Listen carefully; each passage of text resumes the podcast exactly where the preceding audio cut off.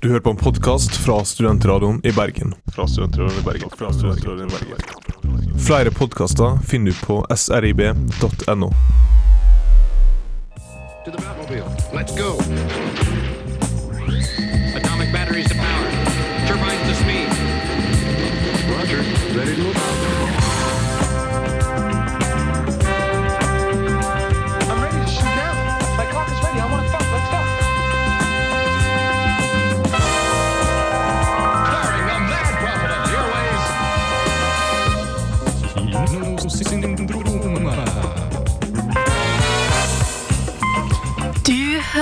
På Kinosyndromet, studentradioen i Bergens filmanmelderprogram.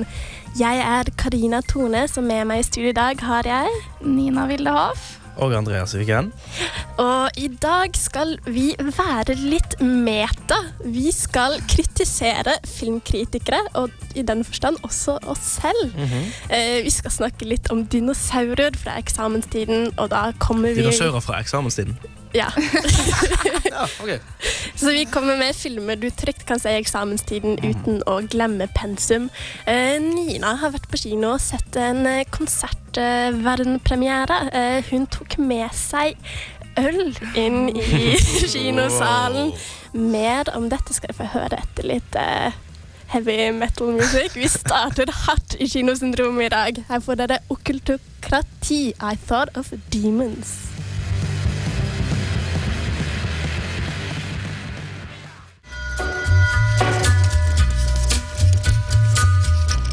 You mean not good like one out of a hundred? I'd say more like one out of a million.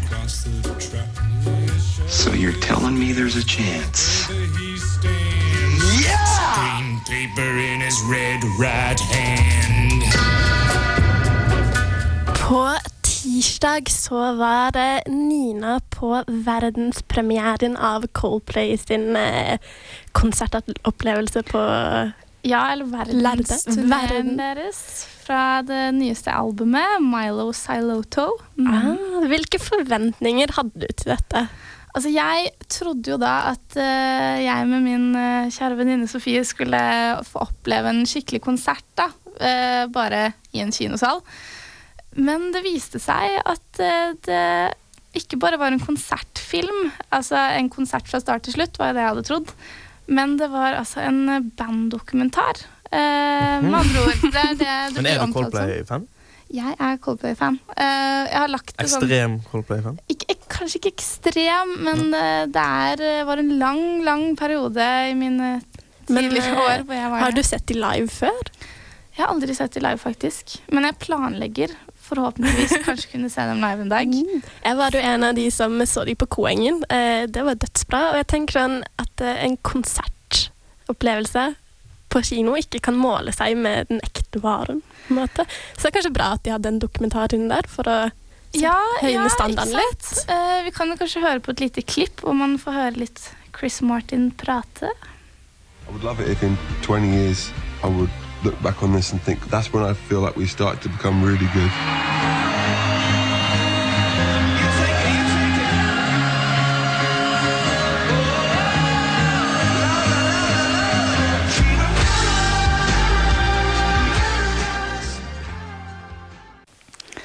Ja, det var, en liten smakebit for det jeg opplevde.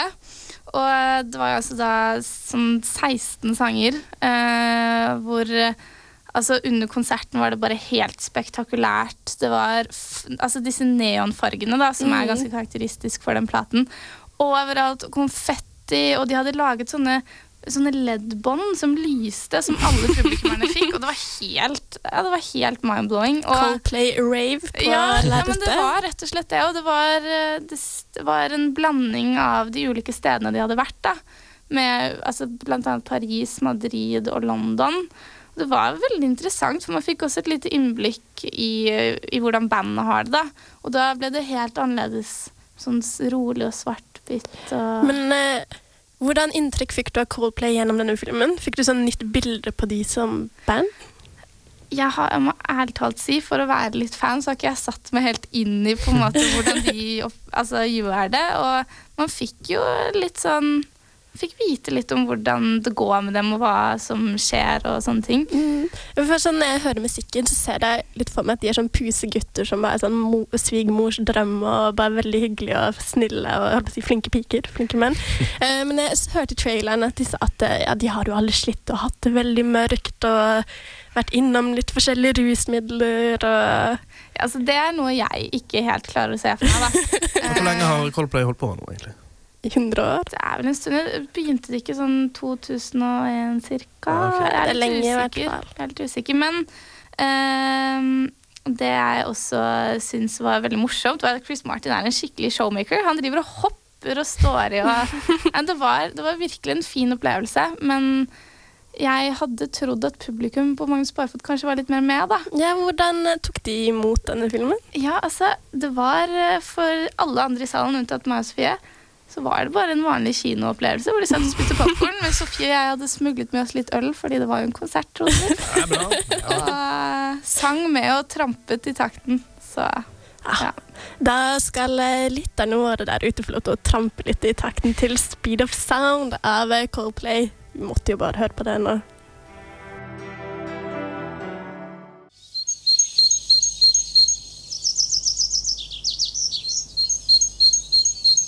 Det du hørte der, det var en eh, kjøttmeis.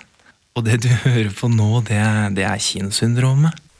Det var Coldplay med Speed of Sound. Eh, Det er på tide at vi i Kinosyndromet blir litt meta. Vår tidligere medarbeider eh, Odd Arild Christensen har kommet med en digresjon slash kommentar til norske filmkritikere. Eh, Etter dette skal vi ta en liten videre diskusjon om dette i studio, men først skal du få lov til å høre hva Odd Arild Christensen mener.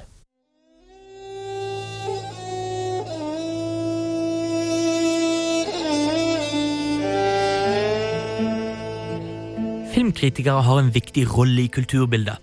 De skal kommentere på filmers kvalitet og hva som beveger seg i filmverden. Dessverre koker anmeldelser ofte ned til rene anbefalinger. Med introduksjon av karakterskala har omtalene mistet sin funksjon. Påståtte lesere lar terningkastet være veiledende for deres mening om filmen. Men kan man egentlig klandre leserne? De er tross alt bare passive brukere av omtalen. Ligger feilen i stedet hos de som lager og presenterer de, filmkritikerne? Siden terningkast og andre rangeringsskalaer ble introdusert, har lesernes latskap økt. Anmeldelsen ligger jo allerede i rangeringen. Man kan si rangeringssystemene har en fordummende effekt på leseren, men farligere enn en fordummet leserskare er filmkritikernes latskap. And why the fuck are you wasting my two precious hours with your movie? I don't have any use for it. I don't have any bloody use for it. Omtalene som mannen i gaten møter, er korte, kriminelt korte. En generell filmanmeldelse i et av landets mange aviser inneholder 1500-2500 tegn, noe som tilsvarer ca. 500 ord, avhengig av ordbruk. Hva man kan uttrykke på denne plassen, er selvsagt begrenset. Og når man skal prøve å kommentere på filmens største aspekter som plott, skuespillerprestasjoner, rytme, musikk og stemning, ender man opp med anmeldelser som blir dominert av en skribent kriblende trang til å være mer ordsmed enn anmelder. Vittige formuleringer er viktigere enn solid argumentasjon. Korte og avgrensede avsnitt om hvert sitt emne setter et distinkt preg av at anmeldelsens konklusjon er ubegrunnet. Påstander og utsagn flagrer fritt uten noen forklaring på hvorfor dette nevnes eller hvordan det påvirker seeropplevelsen. Filmer er komplekse med mange ting som spiller inn på ens endelige opplevelse av filmen. Kritikernes oppgave er å snappe med seg så mange av disse elementene som mulig, presentere hvordan de virker på hverandre og resultatet av dette. Resonnementer som dette er vanskelig å presentere på den begrensede plassen norske kritikere har til rådighet. Dermed ender filmomtalene deres opp som korte oppsummeringer, ikke fullstendige begrunnelser. Man beveger seg løst fra tema til tema uten å forklare årsakssammenhengen til ens meninger. Når man sier en historie banal, hva er det som gjør dette? Er det historien i seg sjøl, er det utformingen av den, eller er det måten den blir fortalt på? Altfor ofte konstaterer skribenten sin kritikk uten å forklare hvorfor, noe som svekker sakens kredibilitet. Internett har gjort det enklere for folk å ytre seg, og det florerer med korte filmanmeldelser på nett. Man finner dem på Twitter eller til og med på kinoenes egne hjemmesider. Det store antallet folk som kommenterer på filmene de ser, gjør filmanmeldelsene til norske kritikere overflødig. Man kan like godt lese gjennom brukeranmeldelser, og man vil vite like mye om filmen som om man leste den profesjonelles anmeldelse. Når omtalene er så innholdsmessig amputert, mister de sin verdi både for filmindustrien så vel som for leseren. And certainly one of the purposes of criticism is to break boundaries. It's also one of the purposes of art.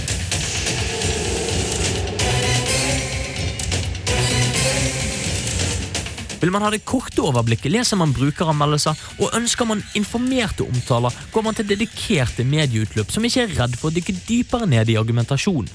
Rotten Tomatoes og IMDb aggregerer filmrangeringer som i mange tilfeller approksimerer og erstatter individuelle filmkritikere.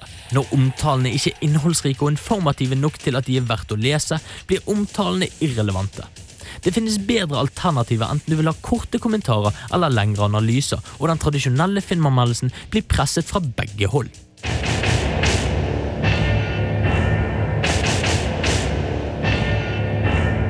Kan argumenteres for at de fleste filmer ikke trenger mer enn en summasjon av filmens kvaliteter. Men i de tilfellene hvor god kritikk trengs, faller den norske filmanmeldelsen mye for kort. Med sitt enkle oppsett og begrensede format forsvinner enhver mulighet til å utforske filmen og hva som fungerer og ikke fungerer. Viktig informasjon går tapt, og anmeldelsen undergraver kritikerens autoritet. The first thing it should do, it should give some notion to the reader of what the movie is about and what it is like. Roger Ebert sier filmanmeldelser skal gi deg et bilde av hvordan en film er, men den større kardinalsynden en filmanmeldelse kan begå, er å ikke være utdannende og informativ. Man burde lære noe av å lese filmanmeldelser, slik at man får en større forståelse for hvordan film som medium virker. Det nesten forelderformatet norske filmanmeldelser kommer i, fanger verken de som vil ha terningkastet eller lengre avhandlinger.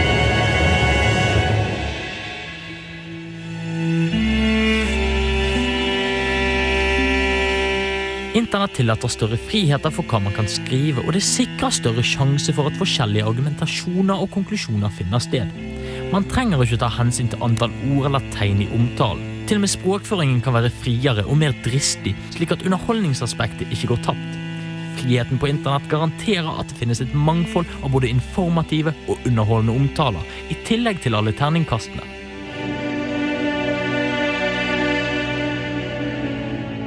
Norsk filmkritikk blir stadig mer irrelevant. Det er ikke kritikken eller begrunnelsen som står i fokus, men heller hvordan man presenterer sin pseudoforklaring. Det er et salgsverktøy for å få folk til å kjøpe aviser, og det skal generere klikk på nettsider.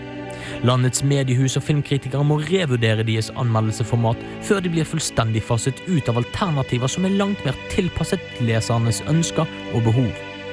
Filmkritikere må la sin kunnskap komme til syne, ikke la den bli begravd i halvdårlig patos.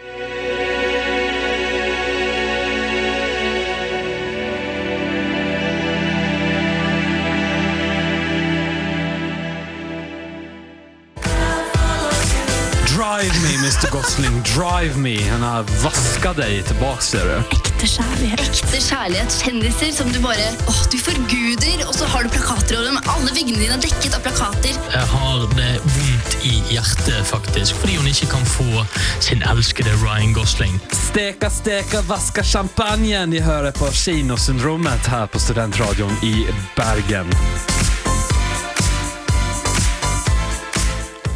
Du hører på Kinosyndromet, og før du hørte Crystal Castle, så kommer Odd Arild Christensen med sine kommentar til norske filmkritikere.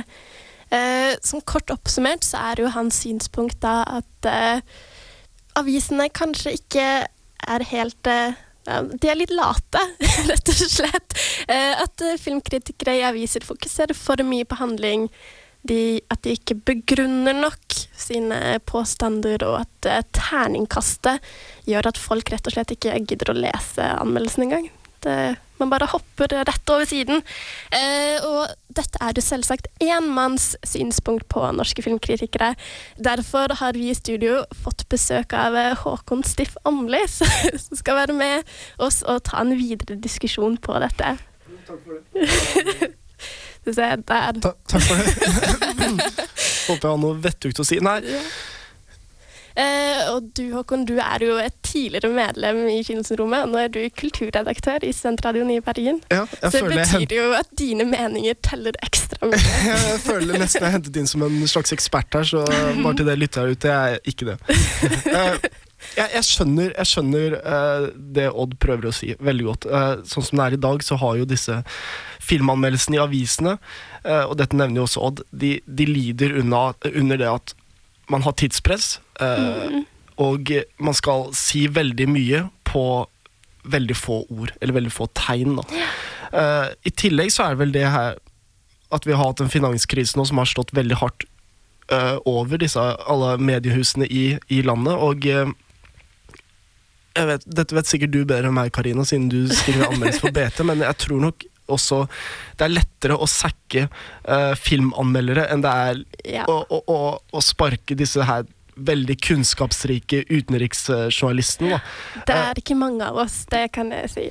Nei, ikke sant? Og uh, da blir det jo naturlig at, uh, at uh, få anmeldere skal anmelde veldig mange filmer. Og du sa det jo selv uh, før sending her at eh, dere får jo faktisk ikke anmeldt alle premierefilmene hver uke fordi det rett og slett ikke er nok ressurser. Mm, sånn som fungerer bete da, så er det jo filmsidene på torsdager. Da hender det at de får enten én side eller dobbeltside. Det varierer litt etter hvor mye plass de har i avisen. Eh, og filmen, vi som er filmanmeldere der, og jeg regner med at dette er i de fleste aviser, vi får et antall tegn vi er nødt til å holde oss innenfor. Så vanligvis er det sånn, hold deg innenfor 1700 tegn. Dette er ca. 400 ord eller noe sånt. Det er veldig lite plass.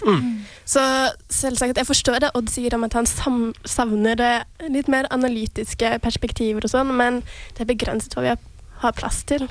Ja, altså Jeg syns jo det kanskje er litt generaliserende å si at på en måte alle avisene er sånn. Eh, jeg leste et par anmeldelser eh, fra Aftenposten, som vel er den avisen jeg har mest kjennskap til. Og Erlend Lo er jo blant annet en av de som anmelder filmer, og jeg syns han gjør det ganske bra. Eh, det, er, det er ikke bare en oppsummering. Eh, særlig den avisen, da, føler jeg. Men Altså, jeg har også lyst til å trekke fram Per Haddal, også fra Aftenposten. Også føler for sagt eh, veldig mye eh, på får. Han gjorde i hvert fall det sånn eh, nå den senere tiden, så har han blitt mer og mer det Odd sier, en som fokuserer mer på patos og velformulerte setninger. Men i hvert fall tidligere så var han eh, antageligvis Norges beste filmanmelder, spør du meg, da. Ja. Eh, i, eh, i, I de store avisene. Jeg må innrømme at så, når jeg skriver filmanmeldelser, så det er jo det er gøyest å skrive filmanmeldelser når du får lov til å være litt sarkastisk og komme med sånn der eh, ordspill og det er det som Jeg vet at eh, det er gjerne ikke det man skal fokusere på, men det er det som er morsomst. da.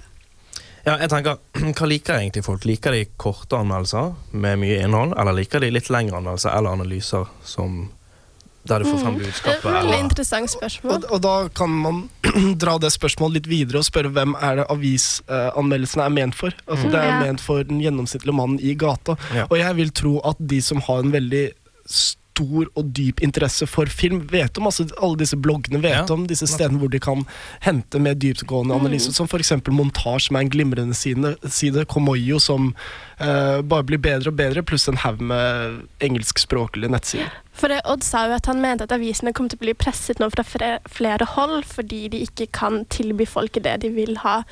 Men i hvert min oppfatning av folk som leser avisen Du sitter gjerne med avisen om morgenen, tar en kopp kaffe. Du, du blar kjapt igjennom sidene. Da har du gjerne ikke tid til å sette deg ned og lese en veldig lang analyse. Du er kanskje ikke interessert i det engang. Det er jo ikke alle som er interessert i å Jeg tenker analyse, så tenker jeg liksom norskfaget, da. Jeg tror det er veldig mange ungdommer som tenker det òg, at når det er en analyse, så er det liksom Mm. åh, flere sider. Så jeg Liksom. tror ikke at internett øh, ødelegger for avisene. Jeg tror det bare tilbyr mer for folket, at det er mer utvalg. Jeg tror nok internett så definitivt ødelegger for avisen. Det ser vi jo med Ja, med- med generelt, ja, men sånn filmanmeldelsen Jeg tror ikke den vil slutte å eksistere, avisen, av det. Nei, det er bare et bredere tilbud. På Det, det, det, det er nok sant. Eh, bare i forhold til målgrupper da, med disse avisene. Eh, særlig Filmpolitiet til P3 syns jeg har et ganske ungdommelig preg. Det er jo på en måte det, det, er jo det som er målgruppen deres. Og, og også hos Aftenposten så ser man også at det er mer velformulert. Eh, for det er jo et bredere publikum og ment for voksne. Eh, så, så sånn målgruppesett, holdt jeg på å si, så, så syns jeg at de oppfyller det de skal, altså de ulike avisene. Men, men i forhold til det med terningkast, og at eh, leseren kanskje blir litt uh, lat pga. dette altså Jeg tar meg selv i det. Jeg ser at oi, denne filmen fikk tre, det gidder jeg ikke å se. Men personlig så leser ikke jeg så mye anmeldelser, må jeg ærlig innrømme. Jeg, jeg stoler heller på venner, jeg, egentlig. Eh, Fordi jeg vet at vi har lik eh, filminteresse, og da ser man det. Og, og, og der peker du på noe jeg tror er et veldig viktig poeng. Det der med at man må heller finne fram til filmanmeldere eh, Mm. som du ofte er enig med. For eksempel du nevner, nevner Erlend Lo her tidligere som eh, Jeg ofte For det første så skriver han jo fantastisk, for- fantastisk godt. For det andre så er jeg ofte enig i det han sier om filmer. Så jeg forholder meg ofte til Erlend Lo sine anmeldelser, fordi gir han en film en firer, så er jeg ofte enig i den, det terningkastet jeg ser filmen sin. Eksempel James Bond, eh, som, som var et nylig eksempel. Jeg merker det er sånn generelt skeptisk til de fleste filmanmeldere. Jeg vet jeg aldri er enig. Ja, og, og det er jo en annen ting at film eh, og smak det er jo subjektivt. Mm. Og eh, er det noen ting jeg savner i anmeldelser, eh, og da særlig aviser, eh, så er det det at man prøver å være for objektiv. Man, eh, man prøver liksom ikke si sin subjektive mening om den filmen. Og jeg syns man heller kan være mer eksplisitt når det kommer til hva ens personlige smak er, rett og slett. Eh, og prøve å og ikke prøve å skjule det. For det er viktig å huske når man leser en filmanmeldelse, at det er ofte at filmanmelderen ikke har få lov til å velge denne filmen selv. De har gjerne fått en mail hvor det står 'Hei, kan du anmelde denne?' Og så sier man ja, og så får man Altså, nå snakker jeg selvsagt om meg selv når jeg får sånne der skytefilmer og, Wrath of the Titans og sånn. Jeg er en av de som liker franske drama og indiefilmer, så når jeg får de, så er det veldig vanskelig for meg å se på dette her fra et analytisk eh, perspektiv. Da kommer den sarkastiske og drittslengende Karina fram. Eh, og jeg ser for meg at det er sånn for mange andre filmanmeldere også. Ja, altså jeg vil bare si, jeg syns egentlig det er mer interessant å se på anmeldelser etter at man har sett filmen. Det er litt Jeg er helt enig med deg, for ellers Mm. røper jo anmeldelsen kanskje noe av Ja. filmen sin. Det er også, sånn opererer jeg også, faktisk. Men eh, det kan ha noe med at eh, filmanmeldelser i aviser i dag rett og slett ikke gir deg noen ting før du har sett filmen først. Annet enn et terningkast, da.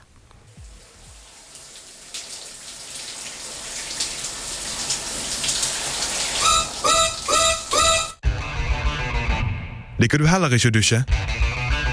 Velkommen i klubben. Kinosydenrommet. Du hører på Kinosyndromet, studentradioen i Bergens filmprogram. Eh, vi i Kinosyndromet vi har jo eksamen sånn, vi også. Så vi har jo forståelse for at dere ikke kan gå på kino og se alle filmene vi anmelder. Det er sant. Så derfor bringer vi deg rett eh, gjennom høyttalerne på radioen din eh, tips om hva du kan se med god samvittighet. Ja. Andreas, hva er ditt tips? Eh, Jurassic Park, rett og slett. Den har jeg plukket frem i dag. Og skal bare sette i gang med handlingen. Ja. Eller hadde du en musikkbit vi kan ha i bakgrunnen? da? Ja, det har du. la oss sette stemningen. Å, den er så fin. Og hvem er det som har eh, musikken for øvrig? John Williams. Uh. Ja, ja. Ok, Kan du fortelle med din mest sensuelle stemme Ja, det skal jeg prøve på. eh, hva Jurassic Park handler om for de som ikke har sett den ennå? Det handler om en øy da, der de har klart å klone dinosaurer fra mygg-DNA. Og siden myggen levde på dinosaurenes tid, eh, så sugde de da dinosaurens blod, og da har de fortsatt DNA, DNA fra dinosauren i blodet. da. Så Dinosaurforskeren Alan Grant han ble hentet til øyen for å overbevise investorer om at øyen, eller Jurassic Park, er en trygg park og en park ulikt det man tidligere har sett. den. Og så På en omvisning så blåser det opp til uvær, og etter hvert så mister menneskene kontroll over parken. Strømmen går, og Al er alene i parken sammen med dr. Ellie Settler, to barn, en advokat og en biolog. Ting tar av i Jurassic Park! jeg synes den musikken er så fin.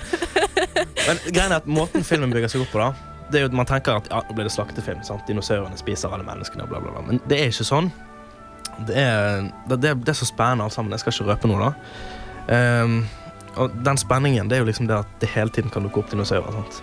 For det, de, de hopper over strømgjerder og ja, de tar kontroll over parken. rett og slett. De er helt fantastiske. Ja. De kan alt. De kan alt. Men hvorfor skal man se denne filmen i eksamenstiden? Jeg tenker at Det er jo en klassiker. Den er tidløs. Eh, Det finnes karakterer som eh, alle kan kjenne seg igjen i. Den er spennende, og den har et budskap om at eh, vi ikke skal tukle med naturen. Godt budskap. Jeg syns det er et fint budskap. Ta vare på dyrene. Kan jeg bare spørre når filmen er fra? 1994. Da var vi ett år gamle. Da var vi to ett år Ja. gamle. Fordi Jeg er fire år gammel. for jeg, jeg har faktisk aldri sett Jurassic Park, for jeg fikk faktisk ikke lov til å se den. Og nå overrasker det meg litt at ikke dinosaurer spiste mennesker. Jo, altså, det de, det? de, altså, jo, greit, de gjør jo det, men De gjør det, det er det. ikke en slaktefilm. Det er ikke bare sånn dreping. Og, sånn. det er jo Det er som mennesker. Det fins noen snille og noen Ja, slemme mm. dinosaurer. Det fins planter og sånn. Kanskje vegetarianere. Kan jeg spørre om det er Er dinosaurene overbevisende? Hvordan på en måte er de animert? Og Ja, altså Når det er snakk om mange Har de et dinosaurer bredt følelsesspekter? Men når det er snakk om mange dinosaurer, da, så er det liksom Det er de animert. Men sånn, de har en T-rex der. Det er en dinosaur. Den er, det er en dukke, da. Og det gjør at jeg syns det, jeg synes det er bedre med dukker enn animasjon. Og Jeg kjøpte jo denne her på Blu-ray nå for ikke så lenge siden. Det er jo det skarpere bildet. Eh, Men det er fortsatt troverdig. Jeg, ja, det ser ut som dinosaurer. liksom. Jeg ble sånn overrasket over hvor smarte de var.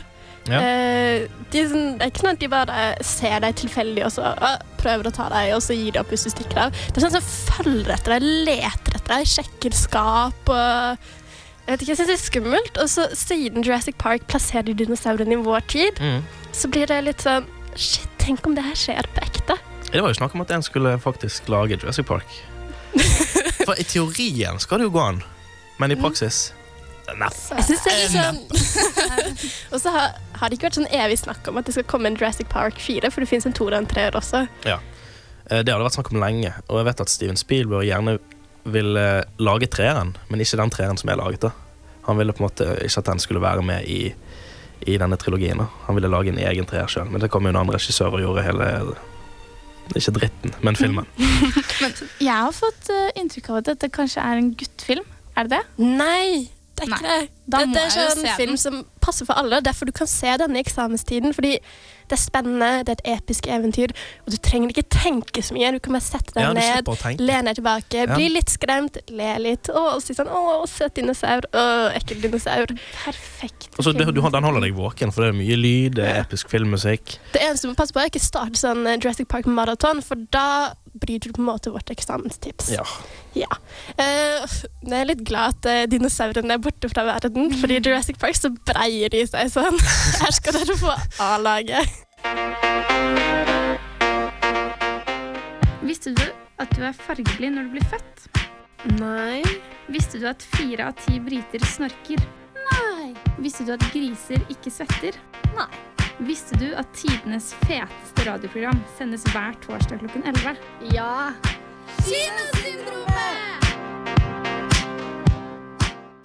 Dere hørte A-laget med 'Breiar meg' på Studentradioen i Bergen. Eh, og Karina, ja? jeg må bare spørre deg om en ting. Var ikke du denne helgen og så på en film med familien din? Ja. Jeg hørte litt snakk om det. Jeg var Jeg har verdens søteste lillebrødre. Mamma ikke blir sur. Jeg tror de er syv og åtte eller åtte og ni. Jeg er litt usikker. Eh, I hvert fall vi så Asterix og Obelix eh, hos eh, britene, heter den. Eh, det var, den er i 3D og dubbet på norsk, og det er jo da altså en barnefilm. Så det var amazing? Eller? Eh, forventningene mine var veldig lave. Jeg var veldig skeptisk. Eh, det som kanskje var veldig underholdende, var at eh, brødrene mine ikke er helt vant med konseptet 3D-film. Så allerede under reklamen skulle begynne å ta på ting som stakk ut av skjermen. De bare wow! Alle barna i salen satt og kniste. «Ah!» Eh, så det, jeg syns det på en måte bygget opp stemningen. da. Eh, pluss at eh, når familien min er med på kino, så får jeg lov til å velge alt jeg vil ha å spise og drikke. Å, det er det Så jeg fikk liksom verdens største bøtte med popkorn. Så jeg satte meg i godstolen, og jeg var klar til å se barnefilm. Var det bra 3D-effekter, forresten? Eh, ja. Det er helt greit. Uh, men så en liten kommentar til sånne reklamer i 3D på eh, kinoen. De er ofte best. De er elendige. Nei, sånn, Haribo-reklame. hvor det er sånn, for sånn De første ti minuttene når du ser 3D, så gjør det litt vondt også. Så bare se sånn Haribo-pose som prøver å stikke meg i øyet. Det, ja. Det er litt Men det er ikke reklamen jeg skal anmelde her. Jeg skal anmelde Asterix og Obelix hos britene. Um, Og Astrix og Obelix. Jeg, jeg bare regner med at du som hører på der ute, vet hvem de er. Eh, det er han lille, og han tjukke, som er sterke og drikker sånn trylledrikk. Og Obelix er han som falt i gryta, så han får ikke lov til å drikke igjen fordi han er sterk hele tiden. Ja, Det setter på en måte bakgrunnshistorien, da. Um, og den filmen er originalt fransk, uh, men den er dubbet på norsk. Den er originalt fransk tale? Mm. Oi. Eh, for det er med han eh, Gerard Depardieu, han eh, tjukke franskmannen med store nese som er skapt til Obelix-rollen. Uh, og så er til og med det Catherine Deneuve, eller noe sånt. Hun fra Belle de Jour og Paraplyen i Chebourg. Uh, som er en veldig klassisk fransk skuespillerinne som spiller den britiske dronningen. Det som har skjedd her, er at det Cæsar, som er en sånn fast gjenganger i Asterix Obelix-filmene, han har bestemt seg for å invadere Storbritannia. Og der sitter eh, britene og drikker varmt vann. Eh, og så plutselig kommer det sånn steiner gjennom taket, og å nei, vi blir erobret av Julius Cæsar. Eh, la oss eh, finne Asterix og Obelix og eh, få hjelp. For det, det går rykter om at det, dette folket har eh, en magisk trylledrikk som kan hjelpe oss. Eh, og det er vel egentlig sånn basic av Så det er liksom Jeg har jo sett en tegnefilm som heter Asterix og Obelix hos britene. Det er liksom Er det samme film? Mm, jeg hadde ikke sett tegnefilmen. Eh, Var det vikinger bra. i den? Uh, Nei For det som er at det fins en tegnefilm av Asterix og Obelix som handler om Asterix og Obelix og vikingene. Uh, ja, Men det fins flere tegnefilmer, tror jeg. Ja. Men det er en som heter Ja. Britene. Og da er det Ja. den trylledrikken, og og det og det som er med den, denne filmen her, kombinerer Asterix og Obelix hos britene og Asterix og Obelix hos vikingene. Så det er to historier som er kjørt sammen, og på en måte prøvd å flette de sammen. Fungerer det, da? Det blir litt forvirrende. Man skjønner ikke helt hva vikingene gjør der. De har egentlig ingen funksjon. Men det som er veldig gøy, er at her, disse vikingene de er eh, nordmennene. Eh, og de spiller på det at nordmenn er kjent for sånn heavy metal-kultur. så dette er sånn heavy metal-vikinger som ikke kan kjenne frykt. Og de har hørt at frykt gir deg vinger, så de har lyst til å finne den største pingla i landet, så de kan lære seg å fly. Eh, Så morsomt. Så er på en måte vikingene, de, vikingene og nordmennene de står for slapstick-humor i den filmen. Um, når det gjelder sånn humor, da, om den filmen her er morsom for barn og voksne uh, Brødrene mine syns ikke det her var så veldig morsomt. Jeg tror, De syns det var underholdende å se den. Uh, fordi det var sånn Man faller og slår seg, og ting, folk blir slått hardt så de flyr. og Sånn enkel humor som barn kan sette pris på. Men eh, den mesteparten av humoren den filmen er bygd på, er eh, laget for voksne. Den spiller på sånn kulturforskjeller. Mobber briter og franskmenn og nordmenn og sånn. Det har jo blitt litt mer sånn i tegnefilmer de siste årene. da, At den det er beregnet ja, for Den her hadde ekstremt mye av det. Eh, så jeg syns det var veldig gøy. Sånn, haha, Der spiller de på eh, sånne fordommer vi har mot franskmenn og britene. og så er det til og med Star Wars-referanse inni der. Så hvis du har lyst til å høre Julius Cæsar si eh, Asterix, I'm your father, så er du nødt til å gå og se Asterix og Obelix hos britene.